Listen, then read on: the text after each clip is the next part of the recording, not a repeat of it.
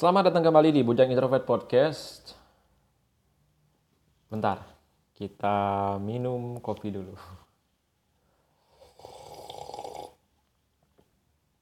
Iya, nunggu ahnya ya. Ya, ngomongin tentang kebahagiaan, memang kita kadang nggak ada habis-habisnya ya. Ada aja. Kadang eh, kita berharap menemukan sebuah kebahagiaan itu dari hal-hal yang kita impikan. Kadang kita misalnya bermimpi kuliah di mana gitu, ya kita berharap kebahagiaan itu ada di kuliah itu. Kita mimpinya nanti mau kuliah di kedokteran. Nanti bahagianya di situ. Ketika udah jadi dokter, pikirannya nanti, bakalan bahagia. Eh tahunya pas masuk dokter kita malah aduh ternyata capek juga ya. Kerja di sebuah perusahaan yang udah bisa dikatakan omsetnya udah tinggi udah kayak menjamin gitu. Kita pasti mikirnya bakalan wah aku bakalan bahagia nih bakalan kayak gini kayak gitu. Bisa beli apa pun yang aku inginkan. Tapi ternyata ketika kita sudah bekerja di dalam situ dan mengikuti uh, proses-proses kerjanya kita merasakan kayak di capek juga ya. Sambat ya apa keluhan sedikit gitu. Ternyata nggak sebahagia yang aku pikirkan gitu. Nah jadi uh, beberapa bulan yang lalu saya menonton sebuah film. Ini film animasi um, kerjasama antara Pixar dengan Walt Disney uh, karena udah beberapa film ini uh, dibikin antara Pixar sama Pixar sama Walt Disney ini yang disutradarai sutradarai. Alamak mak masih belepotan aja. Masih yang disutradarai oleh Pete, Pete, Pete, Pete Dok, Dokter gimana coba cara bacanya? Duh lulusan sastra Inggris kok nggak bisa baca? PT PT Dokter. Pete Dokter kayak ya? Nantilah tak cariin ini menceritakan jadi gini dia ada sebu ada toko gitu. Ada toko bukan toko roti ya atau toko parfum bukan. Tapi sebuah toko karakternya itu yang bernama Joe Gardner. Jadi eh, Joe Gardner ini punya impian yaitu berkarir dalam musik jazz. Jadi pada suatu hari dia ditawari sama mantan murid SMP-nya murid musiknya di SMP um, untuk tampil bersama band mereka, band dia. Um, dan kebetulan band jazznya itu, band yang ditawarkan itu adalah jazz yang udah legendaris di kota itu. Sebut saja namanya kotanya New York, karena di situ latar belakangnya New York sih. Nah, itu wah luar biasa sekali. Karena si Gardner ini, Joe Gardner ini udah lama gitu mengimpikan uh, hidup berkarir di dunia jazz, musik jazz, wah itu adalah sebuah momentum yang sangat tidak boleh terlewatkan. Gitu. Nah sebenarnya kompleks sih ceritanya. Intinya tuh pada suatu ha pada suatu hari memang kejadian uh, setelah hmm, ceritanya si Joe Gardner ini pas hari dua hari sebelum penampilannya bersama Dorothy Williams mm, dia ini kayak nyemplung ke dalam gorong-gorong gitu. Dan arwahnya itu jiwanya itu kayak masuk ke dunia yang apa namanya kosmis nggak sih? Apa namanya? Pokok, pokoknya di mana jiwa-jiwa itu dikumpulkan gitu. Nah kalau untuk nonton film ini tidak disarankan untuk kalian yang agamanya terlalu dogmatis ya. Terutama agama yang kayak kalian mungkin lagi sekolah di apa namanya di sebuah pesantren karena kan beda banget gitu konsep ji, jiwa menurut film ini sama eh, konsep jiwa-jiwa menurut dalam agama Islam gitu. Nah, tolong itu di, di, di apa? Jangan pikirkan ke sana dulu. Yang jelas nikmati aja filmnya, terus kita ambil hikmahnya sendiri-sendiri nanti. Nah, setelah itu kan ibaratnya kalau jiwanya itu sudah pergi dari tubuh, otomatis kan ibaratnya pingsan ya kan. Nah, bagaimana caranya Joe Gardner ini untuk kembali lagi ke dunia nyata gitu? Karena dia ada ada hal yang harus dia lakukan yaitu penampilannya bersama Dorothy Williams tadi. Nah, singkat cerita berhasil setelah setelah uh, berpetualang sedemikian rumitnya di dunia jiwa itu tadi, soul kan, jiwa. Jadi uh, dia kembalilah ke dunia nyata. Eh, tadi udah dibilang belum ya judulnya apa? Oh ya, judulnya Soul. Ini filmnya 2020. Ya, 2020. Nah, setelah setelah kecapaian dan dia bisa tampil bersama band jazz legendaris dia tadi. Nah, ada momen ketika dia udah senang-senang udah selesai penampilan gitu kan. Wah dikasih tepuk tangan lah diselamatin lah sama penonton-penontonnya terutama sama ibunya sendiri kan. Segala macam terutama sama rekan-rekan mainnya tadi. Nah ada satu cewek gitu dia ini kayak memang kayak ketua daripada grup musik jazz Dorothy William tadi. Itu kayak menghampiri dia gitu. Menghampiri dia gimana penampilannya? Wah ini luar ini hal yang luar biasa katanya udah tuh dia tiba-tiba dia kayak air mukanya tuh redup gitu kayak kayak nunduk gitu. Si cewek tadi yang namanya Dorothy Dorothy tadi nanya loh kamu kenapa? Enggak lo gini katanya.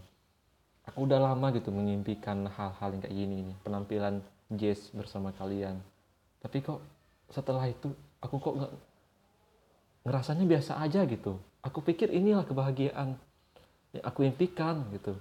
Kata si Joe Gardner tadi si Joe tadi. Terus apa kata Dorothy jadi katanya saya punya cerita tentang ikan.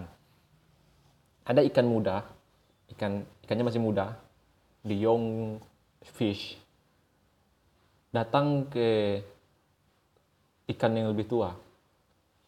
Dia nanya e, bang tua kan abang kan manggil abang kan kayak gitulah pokoknya intinya kan. Bang katanya. Aku lagi mencari sesuatu yang orang sebut sebagai lautan katanya. Lautan? Eh kamu kan udah ada di dalam di dalamnya. Enggak loh. Kita ini dalam air bukan dalam laut katanya. Loh kita ini udah dalam lautan. Intinya adalah mungkin enggak kalian enggak nggak berkesan kalau yang ucapnya saya mungkin bakalan berkesan kalau kalian nonton filmnya langsung. Intinya kayak gitu. Di situ ada makna tersembunyi gitu. Maksudnya kita selama ini mencari kebahagiaan itu kayak kebahagiaan itu adalah dunia utopia yang ada di luar sana gitu. Dan kita bergerak terus bergerak terus bergerak terus menuju cita-cita yang ingin kita gapai tadi. Dan setelah ke sana kayak kok semakin dikejar semakin jauh ya Ternyata itu adalah konsep cara pikir kita yang salah juga. Karena kita mikirnya kebahagiaan itu ya mana sih? Ada loh, bukannya apa ya. Kalau ingin memfokuskan kebahagiaan itu masing-masing individu, banyak loh kawan-kawan kita yang nyatanya belum mencapai sesuatu yang kita anggap bahagia seperti misalnya menikah atau punya perusahaan besar banyak loh yang nggak nyampe ke situ karena apa? Karena mereka kawan-kawan kita itu udah mohon maaf meninggal muda. Banyak. Mereka belum nyampe ke sana, nikah muda. Misalnya kita nganggapnya kayak aku belum sempurna nih karena aku belum menikah. Masih berarti kesempurnaan kita itu kayak seolah-olah dipatokan ke sana karena nggak adil loh. Banyak loh kawan-kawan kita yang nggak sempat nikah udah udah meninggal duluan gitu Nah artinya apa? Artinya tadi itu kebahagiaan itu kayak kita nih di dalam kebahagiaan sebenarnya dan kita mengumpulkan puzzle-puzzle kebahagiaan itu tadi. Karena kalau ditemu kalau mau dicari sih nggak ketemu-ketemu gitu. Bahagia kita di dokter eh ternyata pas kita masuk ke dokteran aduh ribet amat gitu. Pokoknya ribet lah, pusing gitu kerja di sebuah, sebuah perusahaan besar ribet amat lah nikah udah nikah kita mengurusi anak ribet lah pokoknya ampun Karena konsep kita itu itu tadi mencari kebahagiaan seperti ikan mencari lautan di dalam laut gitu. Kayak gitu. Terus ada yang bilang kayak gini. Uh, konsep kita ini uh, bahagia itu ada barometer masing-masing. Betul. Saya pernah baca buku McMansion, judulnya itu Everything is Fact, atau kalau di bahasa Indonesia kan itu judulnya adalah Segala-galanya Ambiar. Kalian bisa beli itu di Gramedia, sekarang masih banyak. Nah, di sana itu intinya McMansion mengatakan bahwa eh, kadar kebahagiaan kita semuanya manusia itu antara 1 sampai 100. 1 sampai 100. Dan rata-rata kita eh, kadar bahagianya itu, senangnya, happy-nya itu adalah 70 persen. Kalau di termometer kan 70 lah gitu, 70 lah antara 1 sampai 100 itu 70. Dan ketika kita sedih, ngedrop 50, 40, 30 gitu. Dan ketika kita senang, misalnya kita nembak cewek, diterima gitu kan, wah itu naik itu, 100. Dan itu pas sudah jadian, ada ngambeknya, rupanya cewek kita selingkuh, dan segala macam, turun, turun, turun, sampai 10, sampai 5. Wah itu udah kayak, aduh, udah kayak low banget gitu. Nah terus kita udah sedih biasa aja gitu naik lagi. Ya sampai 70 pula. Kembali ke 70 angka 70 tadi. Jadi intinya apa? Karena barometer kita ini sama jadi orang mikirnya kayak ini um, kebahagiaan orang miskin sama kebahagiaan orang kaya itu banyak yang mikirnya berbeda gitu. Jadi banyak yang kayak iri-irian. Kenapa kita iri-irian? Ya, itu tadi karena kita nggak tahu kalau barometer kebahagiaan kita itu sama 1 sampai 100. Bukan berarti orang kaya barometer 1 sampai 200 atau 1 sampai 500. Oh, mentang-mentang dia punya uang banyak sama macam takaran mereka di atas 100 gitu enggak sama aja. Kenapa orang-orang miskin mohon maaf ya? Maksudnya tuh orang-orang kayak ekonominya rendah gitu kayak petani segala macam. Mereka bisa ketawa-ketawa, bisa bisa guyon-guyonan di warung di bersama anak-anak mereka terus kayak kelihatan bahagia gitu walaupun ya posisi mereka kayak kuli atau petani gitu karena barometer mereka itu itu tadi 70 70 angka 70 tadi sampai 100 tadi. Orang kaya pun gitu. Jadi um, bukan berarti dengan kita mempunyai segalanya terus kita apa lebih tinggi ukuran kebahagiaannya itu enggak. Sama aja. Sama aja gitu. Kita miskin ya sama ukurannya 70 paling banter ya itu tadi. Kalau kita misalnya uh, katakanlah kita menang memenangkan sebuah jo, sebuah ah sebuah lomba menangkan sebuah lomba. Naik itu kadar kebahagiaan kita 100 misalnya itu paling tinggi tuh terus 90 setidaknya kan. Nah itu tadi kalau sudah kita sudah melewati itu sudah bahagia dengan hasil perlombaan tadi terus besoknya kita bakalan kayak duh biasa aja ya turun lagi turun lagi